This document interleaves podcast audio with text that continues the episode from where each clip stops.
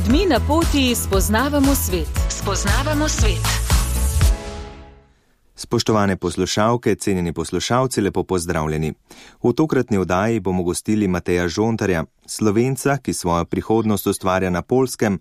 Vršavo je obiskal v času študentske izmenjave Erasmus, med njegovim obiskom pa se mu je ponudila priložnost za službo. Ustal je, začel z delom, na to pa spoznal tudi svojo ljubezen, kar pa ga je še dodatno prepričalo, da ostane na polskem. Matej, lepo pozdravljeni. Lepo zdrav. Večina mladih, ki zapusti Slovenijo, se na eni strani odloči za selitev v Nemčijo oziroma Avstrijo, na drugi pa izbirajo celo Združene države Amerike ali Kanado. Zakaj ste vi izbrali Polsko?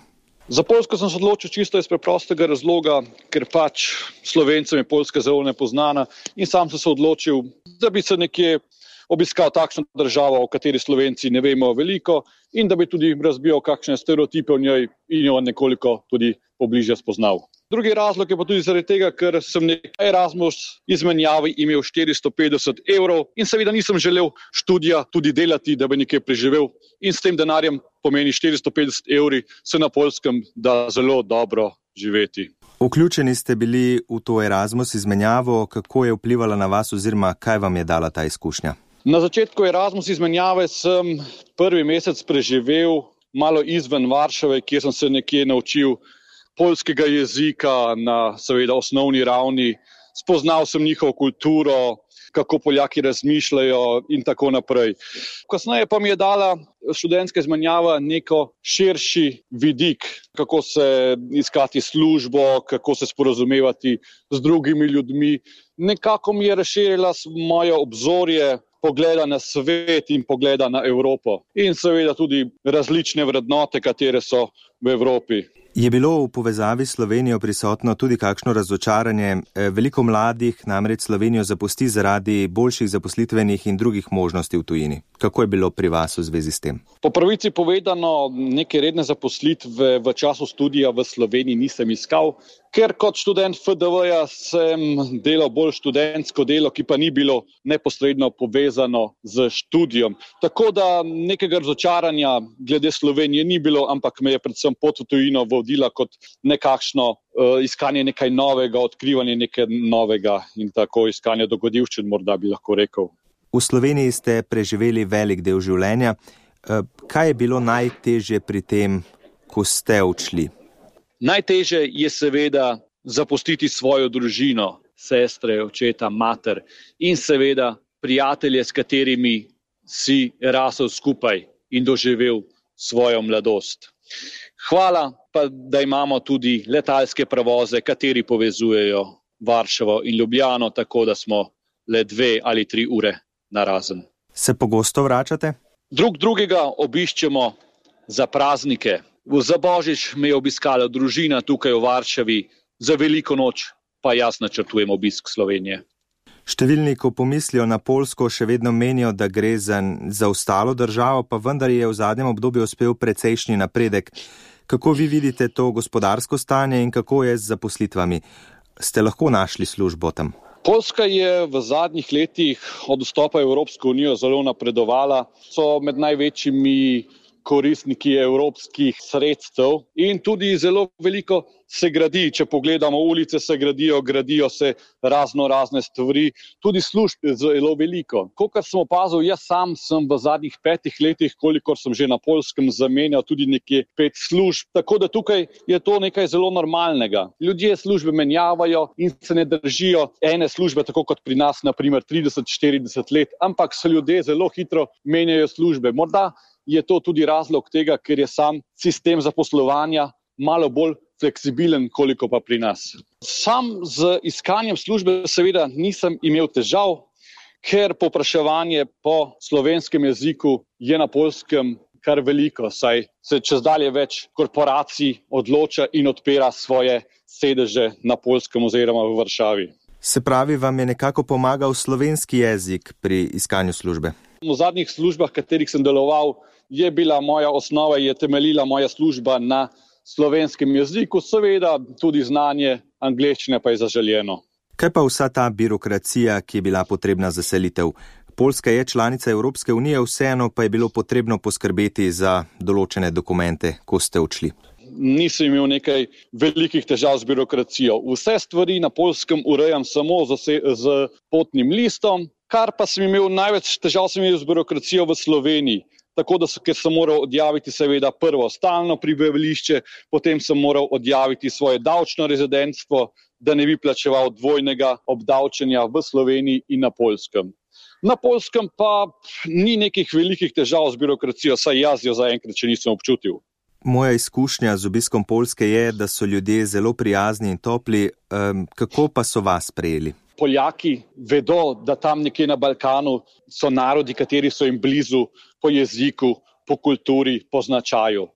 Um, seveda smo bili za časa komunizma malo ločeni. Poljska je bila seveda v Varšavskem paktu, mi kot Slovenci pa smo bili seveda v Jugoslaviji. Tako da čez dalje bolj se tudi odpirajo Poljaki proti Balkanu, prihajajo do nas in nas poznavajo našo kulturo. Seveda, kot Slovenca so me tudi zelo toplo sprejeli in so zelo radovedni in me sprašujejo, kako pa je v Sloveniji tudi veliko jih je že Slovenijo obiskalo, tako da sam nisem imel nobenih problemov kot slovenec. Vedno sem samo rekel, naprimer, Peter Prevc in vsi so vedeli, kdo to je, skodje in tako da nisem imel nobenih problemov. Kakšni pa so sami ljudje, Poljaki, kako jih vidite? Poljaki so, se mi zdi, malo bolj zadržani, kolikor pa mi. Seveda, potem, ko malo, malo vodke pri njih pomaga, da se malo odprejo, ampak še vseeno so pa veliko bolj, tako bom rekel, skrbijo zase, ne gledajo toliko na druge in so malo bolj zaprti. Seveda, da to govorimo, če, se, če gledamo dva Poljaka, potem pa vedno, ko spoznajo kakšnega tujca, je pa seveda se malo bolj odprejo, ker so, bom tako rekel, malo bolj so odprti na svet želijo nekje gledati malo preko meje, so pa le malo težko je z njimi vzpostaviti tisti prvi kontakt. No? Tako bom rekel. Seveda, potem, ko s časom mo, moraš pri njih, moraš imeti čas, da jih spoznaš in tako, da potem se ti pa počasi odprejo. Poljska sicer ni naklonjena sprejemanju migrantov, zlasti iz Bližnjega vzhoda, sprejela pa je številne Ukrajince. Kako gledate na to javno politiko in ali ste kdaj imeli slabe izkušnje z, tudi s Poljaki, ker prihajate v drugot? Um, veliko Ukrajincev ima korenine na polskem, saj se veliko Ukrajincev, se nekje babica ali dedek, so bili rojeni na polskem. Tako da veliko po, po Ukrajincev pride na polsko, nekje dela pet let, toliko, da dobijo potem državljanstvo in potni list. Seveda pa Ukrajincem cilj ni, da bi ostali na polskem, temveč vsi potem gledajo nekje bolj naprej proti zahodu. Sam kot slovenec nisem imel nikoli težav glede mojega porekla ali državljanstva, ker vsi vedo, da Slovenija je dobro razvita država, ljudje smo prijazni in seveda tudi športni uspehi nam pomagajo, da se nekje dobro asimiliramo ali vključimo v njihovo družbo. Oblasti v Varšavi so deležne tudi očitkov, da gradijo neke vrste avtoritarni sistem. Kako vi doživljate to dogajanje? sam zelo težko sodim o tem, ampak nekje nisem dobil občutka, da bi bila ta avtoritarnost oblasti prisotna. Kolikor opažam, je to le morda veliko bolj omejeno na medije, kjer se o tem veliko govori, sam pa tega avtoritarne oblasti resnično nisem videl ali doživel. Zanimiva se mi zdi zlasti družinska politika polske država za vsakega drugega in naslednjega otroka mesečno prispeva približno 100 evrov. Je zaradi tega več otrok, se mladi lažje odločajo za večje družine? Tako, mislim, da družinska politika na polskem je veliko bolj skoncentrirana na družino, kolikor pa nekje druge. Tudi tisti, ki se poročijo, saj se na polskem zelo hitro poročijo, nekje bom rekel, nekje 24 let ali 25 let in je večina ljudi tukaj že poročenih. Seveda to izhaja tudi iz tega, ker mladoporočenci naprimer veliko hitreje uh, dobijo in dobijo boljše kredite za nakup stanovanja in uh, drugih stvari, katerim potem pomagajo pri samem življenju. Družinska politika, pa tako kot ste že omenili, da drugi, tretji, četrti in vsaki potem je nekje dobijo 500 zlotov, kar je nekje 100 evrov. Tako da Poljska res nima problemov z nataliteto. Omenili ste tudi nekatere druge ukrepe, ki nekako so za mlade. Omenili ste stanovanjske kredite. Imajo mladi na polskem priložnosti? Glede na to, da je Poljska veliko večja država, jaz vidim, da na polskem je veliko več priložnosti. Poljska se mi zdi idealna za ljudi srednjih let, kateri si želijo pridobiti izkušenj. Tisti, ki si želijo menjati službe in posledično pridobiti delovne izkušnje, katerim potem seveda veliko pomagajo tudi v prihodnem življenju.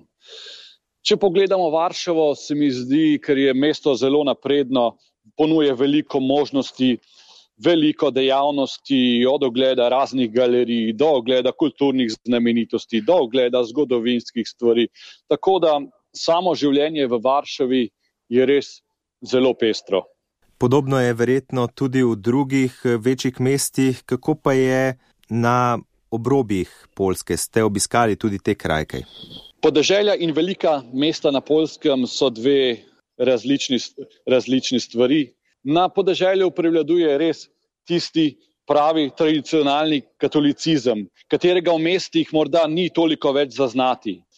Na podeželju najdemo malo starejši ljudi, saj se vsi mladi izseljujejo v velika mesta, kjer je seveda veliko več priložnosti, kolikor pa na podeželju. Kako pa je bilo z učenjem jezika? Ste si polščina in slovenščina podobni, ste imeli kakšne težave? Sam se nikoli nisem bal uporabljati tuji jezik. Zato sem tudi takoj po prihodu na Poljsko našel tiste besede, ki so iste, samo da imajo drug pomen. Takoj sem se začel uporabljati polščino, čeprav so se mi nekateri na začetku smejali. Ampak vem, da to je proces učenja. Seveda, polščina in slovenščina so si in si niso toliko različne. Seveda, bo, Poljaki in Slovenci bi lahko drug drugega razumeli iz konteksta, ampak samo učenje polščine mi je šlo precej hitro. Tako da lahko rečem, da sem zdaj po petih letih življenja na polskem že kar dober v polskem jeziku. Prej ste že nekako omenili, da vas prepoznajo tudi po Petru Prevcu. Kateri športi so poleg smučarskih skokov na polskem najbolj priljubljeni? Seveda, poleg vsem znanim zakopanam in smučarskim skokom, so Poljaki tudi zelo ponosni na dosežke v, gipnik, v ekipnih športih, kolikor to seveda pomeni odbojki in rokometu, kjer imajo res nekatere zavedanja, vedne uspehe. Seveda pa zdaj tudi sam Robert Kubica, kateri se vrača v Formulo 1. Za konec še morda vprašanje o tem, kakšni so vaši načrti za prihodnost in ali se kdaj nameravate tudi vrniti v Slovenijo. Sam vidim Slovenijo veliko primernejšo ljudi v starejših letih, tisti, ki imajo čas, da uživajo v naravi in športu. In tudi nekje vidim Slovenijo veliko boljšo za, vzgo za vzgojo otrok. Sam sebe nekje vidim trenutno še na polskem, kjer si pridobivam delovne izkušnje, seveda pa nikoli ne izključujem povratka v Slovenijo. Saj, če pogledamo, je kakovo življenja še vedno v Sloveniji nekoliko na višji ravni. Matej Žontar, hvala za ta pogovor. Dziękuję za zaprošenje. Hvala za povabilo. Poslušalke in poslušalci, to je bilo tokrat vse. Če ste del pogovora zamudili ali bi mu prisluhnili še enkrat, vabljeni v audio arhiv Radia Ognišče. Hvala, da ste bili z nami in lep preostanek dneva. Odajo sem pripravil Andrej Šinko.